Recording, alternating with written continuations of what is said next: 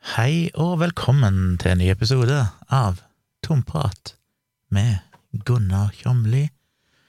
Og det er vel episode 182, dette her, hvis jeg regner riktig. Datoen er 30. mars 2021, og jeg har dårlig tid. I morgen skal jeg av gårde og kjøre igjen, levere dattera mi, kjøre halvveis til Kristiansand, det vil si til Porsgrunn sirkus, Telemarksporten, i en bil for bilkollektivet, så vi må opp ganske tidlig i morgen, for jeg tenkte å kjøre litt tidlig, det var bare sånn lite vindu der den bilen var ledig, det var klin umulig å få tak på bil i påsken. Jeg var heldig som fikk bil på torsdag, der jeg pleier å ha, på det nærmeste stedet her, som er Grorud, men jeg skulle tilbake igjen, i morgen altså, eller i dag når dere hører dette, så var det jo basically ingen biler ledig, så jeg måtte et stykke unna for å finne en ledig bil hos bilkollektivet. Så det betyr at vi må opp og ta både buss og T-bane for å komme fram der jeg skal hente bilen, og det hadde jeg jo lyst til å unngå, vil helst bruke minst mulig offentlig transport, men det er ikke så mye valg. Men vi bruker munnbind og er så forsiktige vi kan. Så vi skal ned der, hente bilen, og så er det å kjøre av gårde og håpe at jeg kommer tilbake igjen da før det begynner noe rushtrafikk. Jeg, jeg vet ikke hvordan det er i påsken, når folk begynner å reise. Jeg henta jo dattera mi på torsdag, for jeg regna med at det kanskje ble en del trafikk på fredagen, i tilfelle noen tok påskeferien tidlig. Og så håper jeg kanskje at folk venter til onsdag før de stikker av gårde, siden det er torsdag som er første fridag, helligdag. Men det kan jo være det er en del trafikk i morgen òg, så vi får se. Jeg er ikke så glad i å kjøre, jeg kjører så sjelden, og jeg håper bare det lite trafikk, spesielt når jeg skal kjøre et sted der, der jeg pleier å hente bilen på Grorud, så jeg har kjørt en del ganger nå. Eh, blant annet om jeg henta dattera mi et par ganger i fjor, og så måtte vi kjøre et par ganger og hente hunden når vi skulle hente valpen vår i fjor, og litt sånn, så jeg fikk noen turer da. Ble litt sånn småvant med veien ifra Grorud og ut av byen, men denne gangen skal jeg starte et helt annet sted, så heldigvis har jeg Tone med meg som kartleser, så hun sitter med Google Maps og forteller meg hvor jeg skal kjøre hen. Jeg tror ikke jeg skal inn i byen på noe vis, og regner med det skal gå ganske greit. Time will show. Jeg er bare glad jeg overlever hver sånn tur. Men eh, så ble jeg sittende i kveld, og det irriterte meg skikkelig, for jeg hadde lyst til å tilbringe siste kvelden med dattera mi, og skulle spille et spill. Vi har vært sammen i hele dag og kost dere, så det er ikke noe sånn eh, sånn krise, for jeg jobber egentlig ikke på dagtid i dag, men så når jeg kom eh, ut på kvelden, så kom det et par supportmailer som jeg måtte ta og kikke på. Så tok plutselig det en fire-fem timer.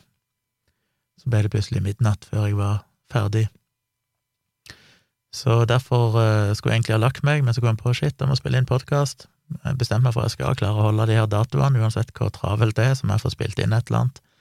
Så jeg har ikke brukt uh, fryktelig mye tid i dag på å forberede meg, men jeg har et par ting jeg vil si noe om, så får vi se om det blir en episode av det.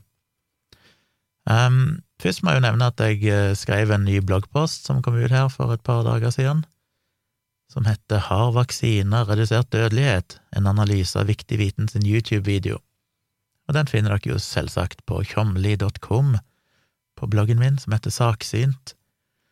Og den var inspirert av en mail jeg fikk ifra en eller annen, jeg husker ikke om det var til podkasten eller til YouTube-kanalen jeg fikk mailen, men jeg fikk iallfall en mail fra en eller annen som følger meg, som tipsa om den for ganske lenge siden, jeg har bare ikke rukket å se på det før. Den er jo laga av de som kaller seg for Viktig viten, som lagde denne covid-filmen som jeg, eh, ja, må vel nesten kunne bruke ordet debunka, her for et par måneder siden. Eller kanskje lenger, var det i romjula jeg gjorde det, eller like etter nyttår, jeg husker ikke. Uh, men det ble jo en lang bloggpost som ble lest av mange, det var gøy. Og der gikk jeg jo grundig gjennom den covid-filmen og viste hvor ufattelig mye feil det var. Helt latterlig mye som var bare feil og selvmotsigende og ja, og det har jeg jo snakka litt om før i denne podkasten, så jeg skal ikke gjenta det. Men der gikk jeg jo òg gjennom kildene deres i en egen bloggpost og så hvor håpløse de var. Men de har lagt ut tre andre videoer. Den covid-filmen ble jo fjerna fra YouTube, for det, den bryter vel med YouTube sine retningslinjer. Men de har tre videoer. Vaksinasjon 1, 2 og 3, og den første her heter Dødelighetskurvene. Har vaksinene redusert dødeligheten av infeksjonssykdommer? Og dette er jo en gammel, gammel hest som ligger der død for lenge siden, men som vaksinemotstanderen pisker og pisker i og prøver å få liv igjen. Men den klassiske påstanden om at hvis du ser på grafene over dødelighet fra for eksempel 1900-tallet og framover, så ser du at dødeligheten fra sykdommer som meslinger, tuberkulose, difteri, så videre sank ekstremt mye før vaksinen kom på banen i det hele tatt. Ergo, som de sier i videoen her, så er det en løgn at uh, det er vaksinene vi kan takke for at uh, dødeligheten gikk så mye ned, og at vi lever så lenge som vi gjør i dag. Andre vil si at uh, Det sier de vel ikke i denne videoen, selv om de kanskje mener det implisitt. Men andre har jo sagt at uh, vaksinene kan jo tydeligvis ikke ha noen særlig effekt, for at uh, alt som egentlig hadde effekt, var jo at folk fikk rent vann, bedre mat, bedre helsevesen generelt sett og sånn, og det var det som egentlig redda oss.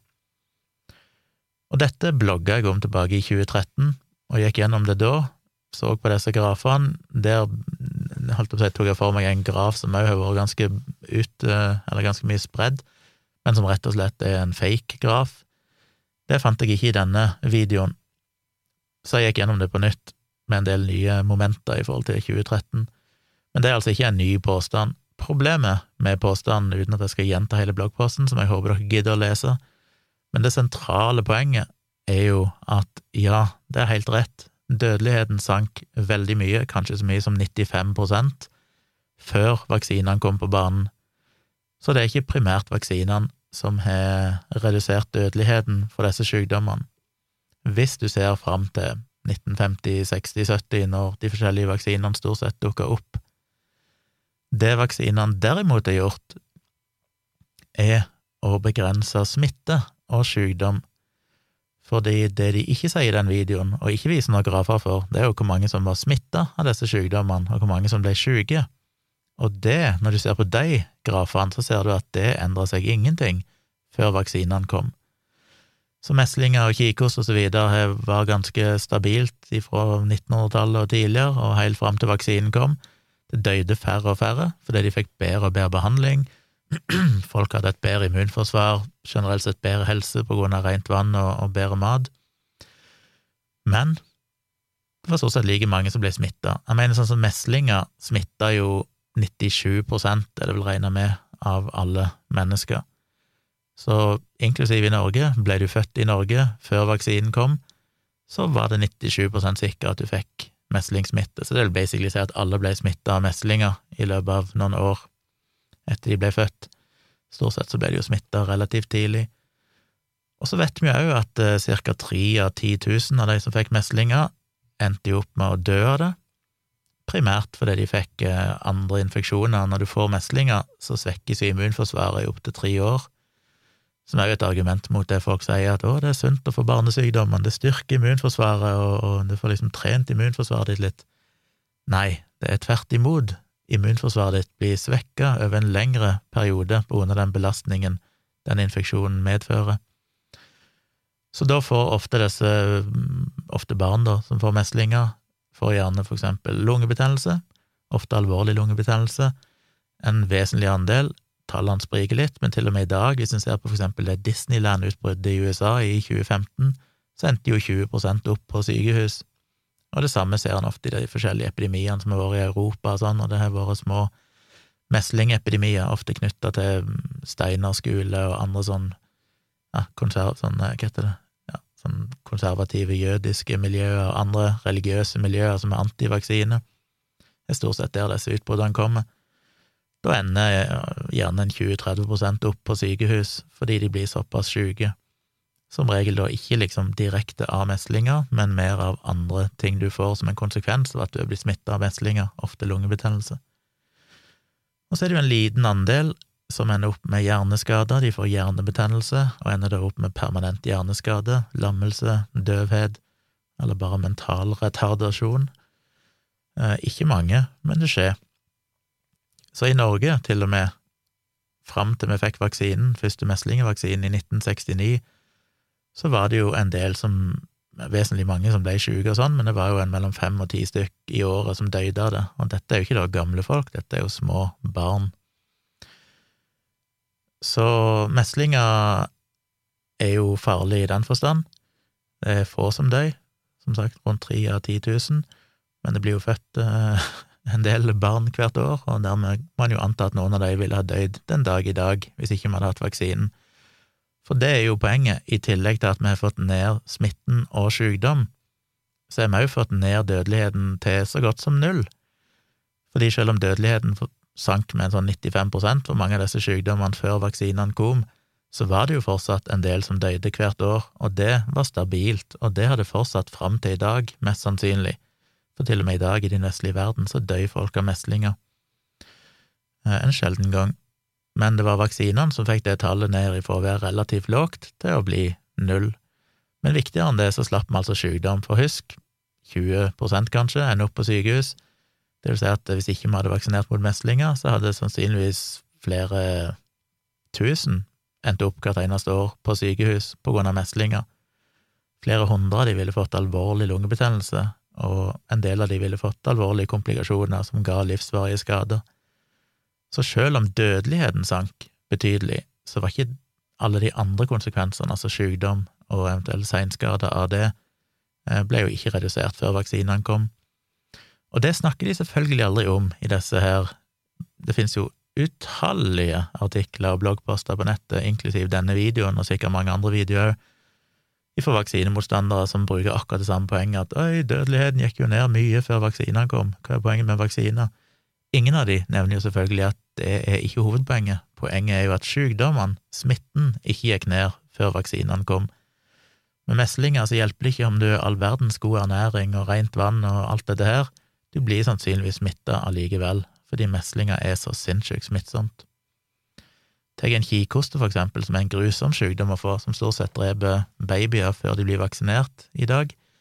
Eh, det dør jo vet ikke hvor ofte det er døyd folk i Norge, babyer i Norge, det er sikkert lenge siden og veldig sjeldent, fordi vi er relativt få. Men i USA, som er et stort land med noen hundre millioner innbyggere, så døde jo fortsatt eh, en del babyer hvert år i dag av kikhoste ofte fordi at de ikke de blir smitta før de kan vaksineres, eh, som betyr at flokkimmunitet er ekstremt viktig, for de blir jo smitta av noen, og da blir de sannsynligvis smitta av noen, kanskje voksne, som da ikke er vaksinert.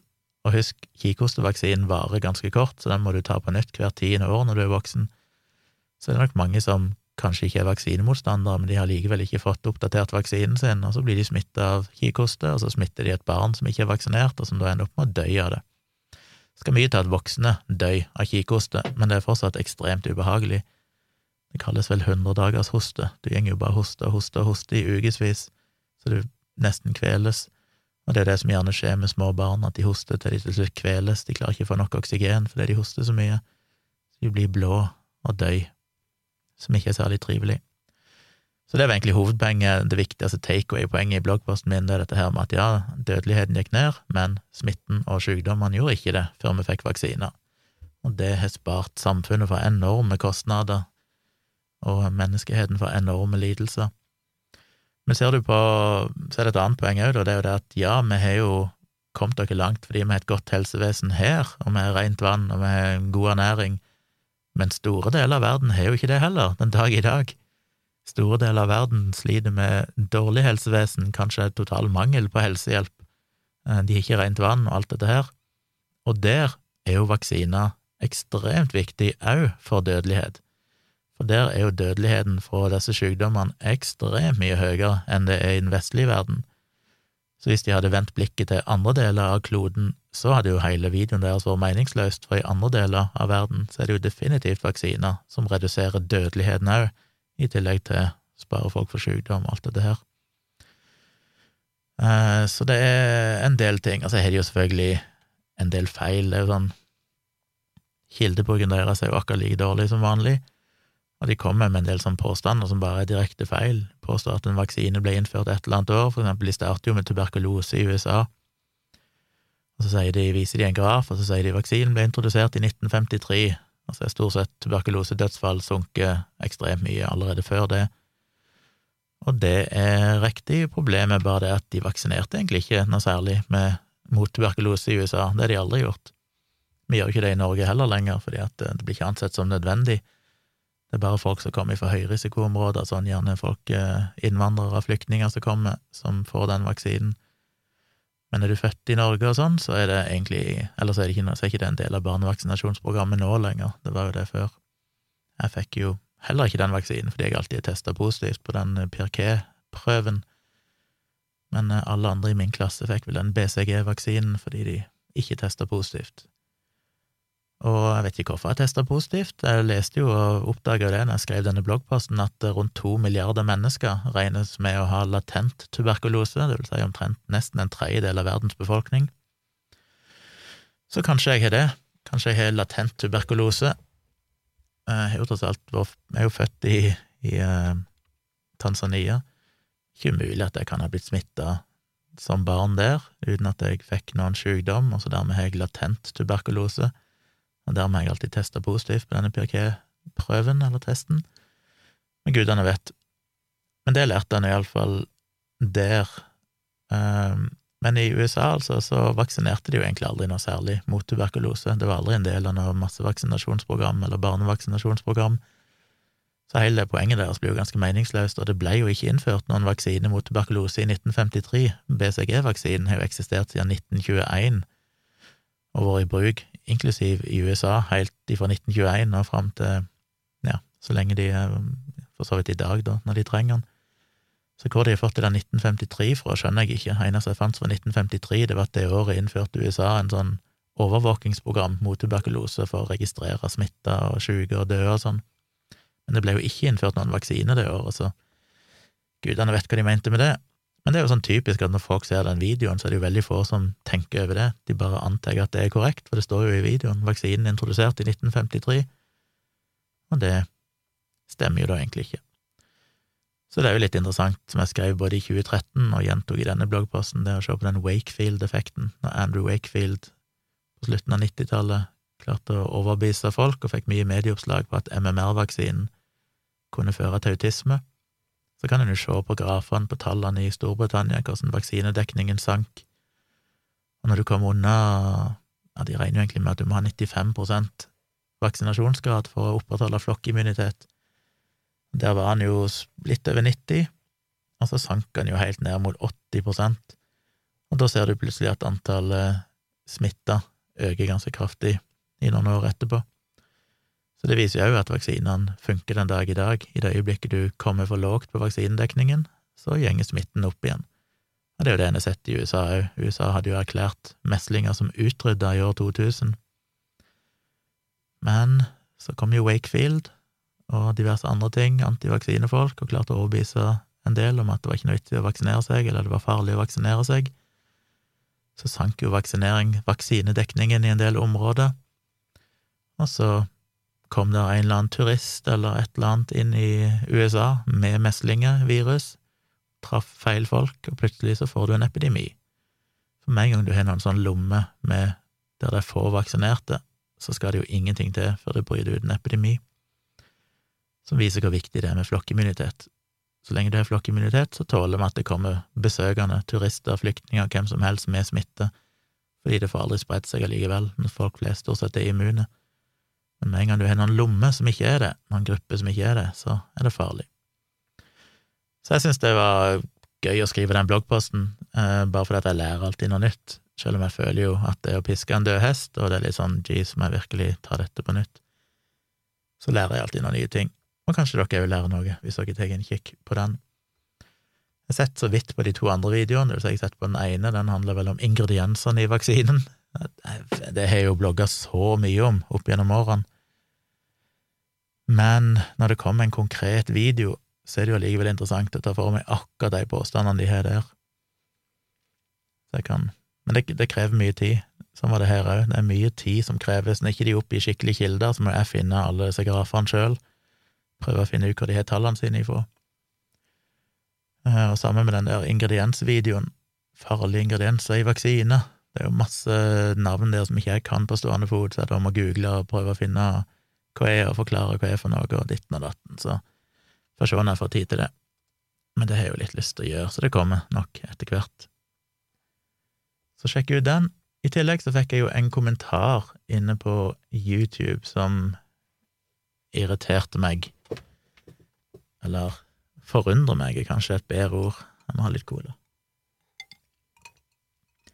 Fordi det var ei som skrev under den Jeg lagde jo en kort, liten video for en tid tilbake der jeg tok et uh, utdrag fra en Kari Jakkesson-rant, der hun hevder at 10% av befolkningen er psykopater. Og så gjorde jeg en kjapp liten sånn faktasjekk av det i en kort video, der jeg bare viser til noe forskning som var gjort, og fant at tallet var jo ikke 10% det er vesentlig lavere. Men det er jo sånn utbredt idé i disse antivaksine- og konspirasjonsmiljøene spesielt, at det er så utrolig mye psykopater i samfunnet. Og så føles det jo litt som en sånn hm, hvem er det som egentlig er psykopaten her? Eh, for de folkene som kommer med den påstanden, virker jo ofte ikke til å være helt stabile sjøl, men de er veldig opptatt av å finne ut at alle andre er psykopater. Det forklarer kanskje hvorfor de føler seg forfulgt, og hvorfor de føler at folk motarbeider de, og alle disse konspiratoriske ideene. Det forklares jo at folk er psykopater. Alle som har litt makt, er jo psykopater, derfor er det gått så dårlig med de her i livet.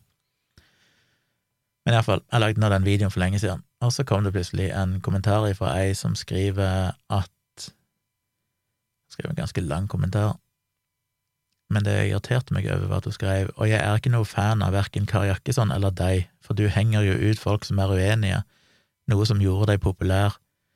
Håper, har, håper det har endra seg da, med tanke på det du sa i en video som omhandlet hvordan man får andre til å endre meninger, tro, whatever men med tanke på denne videoen og din store innflytelse, så har du, en del å jobbe, har du enda en del å jobbe med, selv om mennesket eller menneskene du snakker om ganske klart er idioter, men sant, det er fremdeles ikke kult som en voksen mann å henge ut andre, spesielt når verken du eller Kari Jakkesson har noe peiling på fakta her. Ja, klarer å blande inn The Secret og noe greier, og simuleringsteorien til Elon Musk og alt mulig, som selvfølgelig ikke er hans teori, men men det var det der med å henge ut som alltid overrasker meg. Jeg, jeg skjønner aldri det. Hva mener de egentlig med at jeg henger ut folk?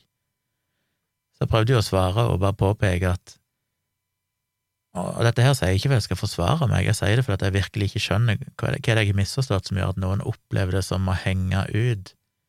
Jeg skjønner at folk som jeg har faktasjekka og vist jeg er feil, kan bruke det som et slags forsvar, for det er jo et veldig billig forsvar. Heller enn å forholde seg til saken, så kan du bare klage på at du blir ut, hengt ut men hun her aner ikke hvem, hvem hun er, men hun er jo ikke Kari Jakkesson, iallfall. Så hvorfor hun er en sånn tredjepart, jeg skal bare, når hun ikke engang liker Kari Jakkesson, og likevel skal føle at jeg henger henne ut, er merkelig. Og det er et eller annet med Jeg mener, jeg har jo alltid vært veldig nøye med, og hvis det er folk som er ukjente og sånn, så sensurerer jeg eller anonymiserer jeg de hvis jeg bruker en screenshot, jeg fjerner navn og bilde. Jeg er ikke noe opptatt av personen, jeg er opptatt av å ta påstanden og så faktasjekke den. Jeg har brukt navn eh, på folk hvis det er en person i en viss posisjon, person i en posisjon, som jeg mener at dette her er faktisk så hårreisende, eller ja, at dette bør på en måte ut i verden.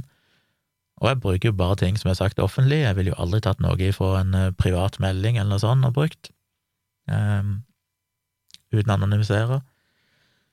Så jeg skjønner ikke hva som er uthenginga her, for det jeg gjør hver gang, er å gå inn og sjekke saken og prøve å finne ut er det rett eller ikke.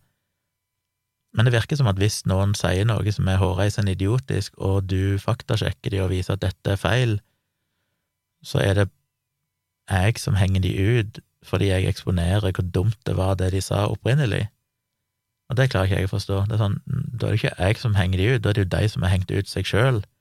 Og så tar jeg meg bare bryet til å vise folk som kanskje tror på dette tullet, at det faktisk ikke er korrekt. Så ja, jeg ble bare jeg burde kanskje ikke svart engang, men det, alltid, det er sånn som alltid provoserer meg, for jeg har virkelig ikke lyst å være ufin. Det er liksom bare jeg er livredd alltid for å si noe som blir veldig feil, eller på en måte såre noen på en urettferdig måte. Jeg kan være hard hvis jeg er fakta, hvis jeg baserer meg på fakta og påpeker at dette her er feil, og, og sånn. Og hvis det de sier er hårreisende idiotisk, så kan det jo være jeg påpeker at dette er hårreisende idiotisk men jeg vil ikke kalle det uthenging, fordi at jeg har jo ikke eksponert de for noe som ikke allerede er offentlig. Og i den grad jeg noen gang tillater meg å være subjektiv og si at dette var tåpelig eller idiotisk, eller dette er bare vås eller tull, så gjør jeg det jo sammen med en ganske omfattende debunking, der jeg har masse argumentasjon og fakta og kilder for å vise nettopp hvorfor det er sånn. Det er ikke noe jeg bare skriver fordi jeg mener at dette er jeg uenig i, eller dette syns jeg var teit. Og jeg får jo den med jevne mellomrom. Jeg har fått den flere ganger på YouTube-videoene mine òg. Det er sånn du henger ut folk, og jeg bare Hvis hun mener at jeg henger ut Kari Jakkesson, så burde hun kanskje heller henvende seg til Kari Jakkesson og si slutt å si så dumme ting. Du, gjør, du bare dummer deg ut. Ikke kritisere oss som faktisk påpeker at det hun sier her er feil, og eventuelt dumt. Og det rare er jo det at det blir alltid litt sånn å skyte seg sjøl i foten for de som skriver det, for de kritiserer jo som regel meg for at jeg kritiserer andre, men, å, men det gjør de jo gjennom å kritisere meg offentlig, så da gjør de jo basically akkurat det samme som jeg har gjort, med den store forskjellen at jeg har gjort det i en kontekst av faktasjekking og underbygger mine påstander, mens de kommer bare med en ren subjektiv rant mot meg, der de bare mener et eller annet, der de bare syns at jeg henger noen ut, og kan være ganske ufine mot meg, da. Så det er jo veldig rart at de tar seg friheten til å gjøre akkurat det de kritiserer meg for, men som jeg egentlig ikke gjør, men som de helt åpenbart gjør i måten de formulerer seg på, som ofte er veldig ufin og subjektiv. Så veldig, veldig rart hele greia at ikke de ser den der bjelken i sitt eget øye når de fyrer løs på den måten. Men ja, jeg burde vel ikke Burde vel ikke bry meg, men jeg klarer ikke å, å la være til tider. Ellers det siste jeg ville si noe om Jeg må si bitte grann eh, Jeg eh, hadde jo i forrige episode snakka litt om eh, cannabis, medisinsk bruk. Jeg føler fortsatt at det ble bare kaos og rod. Men jeg tror at det egentlig var ganske mye nyttig informasjon der, selv om jeg sleit litt med å holde tunga rett i munnen på enkelte ting. Så føler jeg fortsatt at det var mye avsporinger som er interessant om placeboeffekten og sånn, så jeg syns dere Jeg håper dere lærte noe allikevel. Men i dag ble jeg tagga i en tweet, eh, eller tagga under en tweet, der det var en dude, en som heter Peter Greenspoon, MD, tydeligvis en eh, Han er en primary care doc at Harvard Med, som spesialiserer seg, eller iallfall interesserer seg for cannabis, addiction, psychedelics, certified health, health coach, speaker, author of memoir Free Refills. Refills. Han blir jo fulgt av David Nutt, blant annet, som jo er kjent for å ha drevet med jobba for legalisering, eller jobba med forskning på hvor farlig eventuelt forskjellige narkotiske stoffer er. Eh, så han må vel være en, en nesten 20 000 følgere. Må vel være en, en viss autoritet, uten at jeg har hørt navnet hans før. Det er kanskje min feil. Men han eh, delte en eh, liten studie og skrev Ingestion of THC-rich cannabis oil in people with fibromyalgia, randomized, double-blind, placebo-controlled clinical trial. Så siterer han ifra konklusjonen Reduce symptoms and increase quality of life of patients with fibromyalgia. Så studien altså testa cannabisolje med mye THC. THC er jo det stoffet i cannabis som gir deg rusen, og de mener å finne at det hjalp på livskvalitet og reduserte ting som slapphet og smerte og sånne ting. Og siden jeg ble tagga der, så tenkte jeg da, ok, la meg se litt på den studien, og ja, fullteksten av studien lå ute åpen, så jeg kunne lese hele. Og det jeg veldig ofte gjør i sånne studier, som jeg vil anbefale dere òg, hvis dere skal lese studier, så er det gjerne å begynne Jeg leser jo selvfølgelig oppsummeringen først, abstractet, bare for å få et overblikk over hva det handler om. Men så blar jeg meg ofte ned til den diskusjonsdelen, discussion, for der finner du på en måte en slags oppsummering av alt i et sånn mer vanlig språk, uten altfor mye tekniske ting, og der skal du jo normalt drøfte styrker og svakheter ved studien, og det er jo ofte det som er interessant, å se hva de trekker fram som svakheter. Et rødt flagg er jo hvis de ikke påpeker noen som helst svakheter med studien. Da blir jeg alltid litt skeptisk, fordi enhver studie vil ha svakheter, og en god studie så bør du påpeke hva de svakhetene er, du bør være klar over at det finnes begrensninger. Det er jo ingen studie alene som er endelig på noen slags måte. Og så påpekte jeg at uh, det som ser ut til å være svakheten her, er jo nettopp det som jeg snakket om i forrige episode, nemlig at selv om dette var en dobbeltblinda studie, som er veldig bra randomisert, det vil si at de de to gruppene. Den ene gruppa som får placebo, den andre som får ekte eh, cannabisolje. er randomisert, sånn at de skal være mest mulig like, det skal være et slags tilfeldig utvalg som gjør at det er en noenlunde så lik som mulig fordeling i begge gruppene, at de er mest mulig like på forskjellige områder, kjønn, alder, helsetilstand, alt mulig sånn. Um, så alt dette her er jo bra, men først og fremst er det jo en fryktelig liten studie, jeg tror det er bare 20 personer. Han ble gjennomført i Brasil, på et helsesenter der, med folk som hadde en klinisk diagnose med fibromyalgi, og så var det bare 20 stykk. Så det er i utgangspunktet en veldig liten studie. Hvis det er mindre enn sånn 50 personer, er vel en slags sånn tommelfingerregel, så, så bør en jo kanskje i utgangspunktet være litt skeptisk, for da er det vanskelig å, å egentlig finne statistisk signifikans og sånn, for det blir så stor usikkerhetsmargin i disse tallene. Men det jeg hengte meg opp i, det var det de skrev mot slutten, at uh, ja, i siste avsnitt så tar de for seg svakheter, og da skriver de Despite the significant findings of this medical residency's final work, there are limitations to acknowledge. Small sample size, short intervention period, participants maintained other fibromyalgia treatments, cannabis oil and the placebo product did not have the same color and were not masked for taste differences, and participants were individually evaluated by the main researcher during all intervention, intervention periods, although both were blinded. Og det jeg hang meg opp i, var jo det problematiske med blindinger, og det nevnte jeg jo i forrige episode, at det er gjennom, et gjennomgående problem i disse studiene. Primært så henger vi opp i bruken av THC generelt sett, fordi THC er jo en, en, et stoff som gir deg eh, ja, hva heter det, som er psykoaktivt, eller som gir deg har en effekt på hjernen din, for å si det sånn. Og i det, hvis jeg går opp og ser på metoden her, så står det at eh,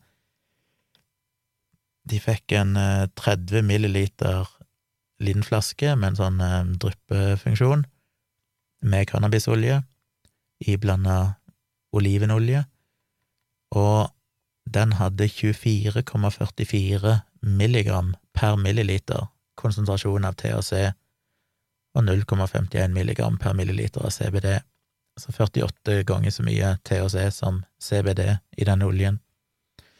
Og jeg kan jo ingenting om cannabis, jeg har aldri eh, prøvd disse rusmidlene sjøl, så jeg vet lite om det, så jeg måtte bare sjekke i full fart, men da ser jeg jo at jeg fant på ei nettside som tok for seg hvordan du skal bake mat, kake, cookies, eh, alt mulig rart med cannabis i, og hvor mye du trenger for å få en effekt, og de har en sånn edibles dosing chart, og da er det en sånn eh, liten skala som viser hvor mye, mange milligram THC det er i, og hvilken effekt du faktisk får. Og den nederste nivået er 1 til 2,5 milligram. Da sier de at du kan forvente mild relief of pain, stress, anxiety and other symptoms improved focus and creativity, og det er mest for folk som er, ikke er vant med å bruke cannabis fra før. Så allerede der, altså over 1 milligram, så burde du oppleve en effekt, og siden de har 24,44 milligram per milliliter, så måtte jeg jo google hvor mange milliliter er en dråpe, og en dråpe blir regna som 0,05 milliliter. Så det betyr at det er rett over 1 milligram per dråpe THC. Så det betyr at den ene dråpen de dryppa på tunga si, eller hva det var, er nok til å gi ikke nødvendigvis en rus, men til å ha en effekt som er merkbar, iallfall hvis ikke du er vant med å røyke cannabis fra før, som jeg vel var anta at ikke disse her folkene var. Og da har du et problem med blindinger med en gang, for den andre gruppa, placebogruppa, fikk jo egentlig bare olivenolje og så hadde de hatt i litt farge i den olivenoljen, litt sånn brunfarge, for å prøve å maskere at ikke det var det samme, men det var fortsatt forskjellig farge. Den ene var mye mørkere brun enn den andre, så hvis noen sammenligna det de hadde fått, så kunne de se at eh, disse er forskjellige, og hvis da noen merka effekt av den THC-en, så var det lett å finne ut om de hadde fått placebo eller ikke, og allerede da er egentlig studien ødelagt og basically meningsløs. Noen vil si at det er hardt å, å invalid, invalidere en studie på det grunnlaget, men ja, jeg skrev en hel bok om akkurat placeboeffekten, og har ganske god kjennskap til hvor lite som skal til for at du ødelegger sånne studier. Hvor lite som skal til for å påvirke folk når det gjelder placebo. Og det de testa for her, var jo nettopp sånn slapphet og trøtthet og smerte og sånn, og det er jo akkurat de tingene som i aller høyest grad blir påvirka av placebo. Så hvis noen her tok disse dråpene, kjente at det var liksom stressreduserende og så videre, så er det klart at det kan ha hatt en, en stor placeboeffekt for disse, sånn at det var placeboeffekten som egentlig gjorde at de følte seg bedre, ikke effekten av THC i seg sjøl.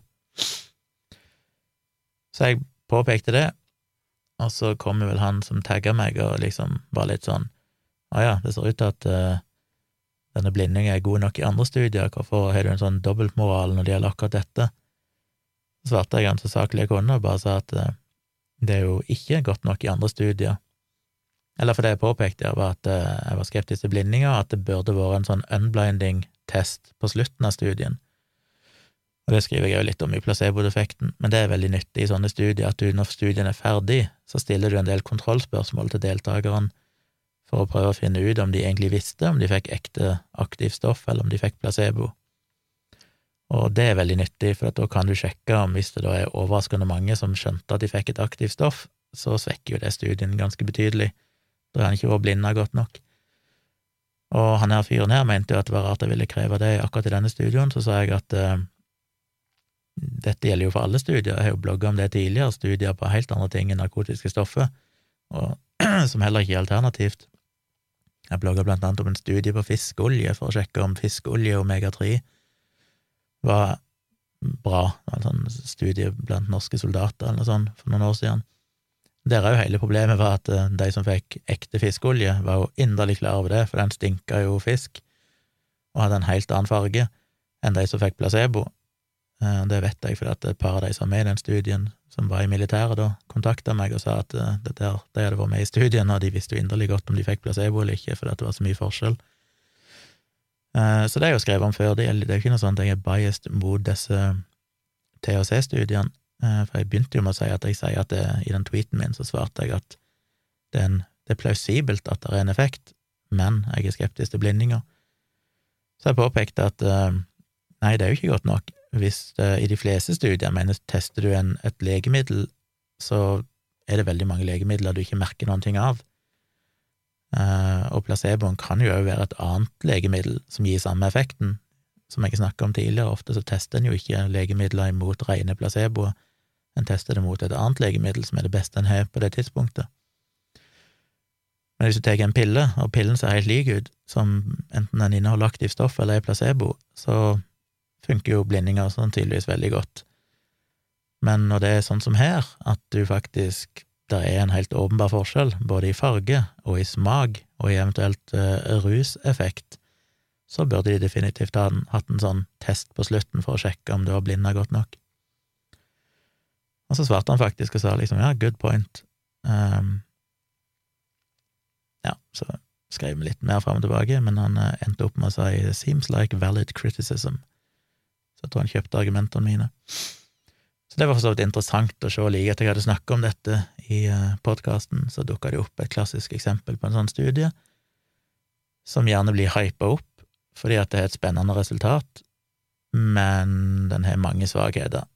I tillegg til blindinger, som sagt, så har han jo to andre svakheter som går igjen i veldig mange av disse studiene. Det ene er at det er veldig liten studie, og at de tester bare over noen få uker. Det er ikke noen sånn studie som sjekker om dette her funker over mange måneder eller år, og dermed er det ikke alltid like verdifullt. Så jeg tenkte jeg skulle bare nevne den òg. Ja, jeg hadde en ting til, men jeg tror jeg skipper den, jeg tror jeg må gjøre meg ferdig. Jeg håper det var en uh, informativ, liten episode. Jeg fikk vel uh, Jeg har fått noe mailer, faktisk, på tompratpodkast.gmil.com, men jeg rekker jo ikke å ta for meg dem nå. Så jeg prøver å ta dem på fredag, satser på at jeg har litt bedre tid da. Nå begynner jo påskeferien og greier, så da håper jeg å få litt tid til å jobbe med ting, både litt blogging og, og forskjellig. Så blir det vel kanskje en livestream tirsdag kveld, i kveld, får jeg vel si, for jeg spiller jo dette inn natt til tirsdag. Dukk gjerne opp på det, starter sikkert i ti-elleve-tida. Sjekk det ut på Tvilsomt med Tjomli, YouTube-kanalen, eller facebook.com slash saksynt. Der dukker det opp videoer når jeg gjør den klar når jeg gjør den tilgjengelig. Så eh, send meg mail, følg med på bloggen min, følg med på eh, YouTube-kanalen, og støtt meg gjerne inne på patrion.com slash tjomli, hvis du setter pris på podkasten og blogginga mi og alt dette her, og vil støtte det arbeidet jeg driver med. Så da får dere krysse fingrene for at jeg overlever kjøreturen i morgen, kommer helskinna fram og tilbake, og så skal jeg prøve å ta en slags påskeferie etter det, selv om det blir alltid litt jobbing. Blir aldri fri for jobbing i den når du driver eget firma, men sånn er det. Men takk for at du hørte på. Jeg er tilbake igjen om noen dager.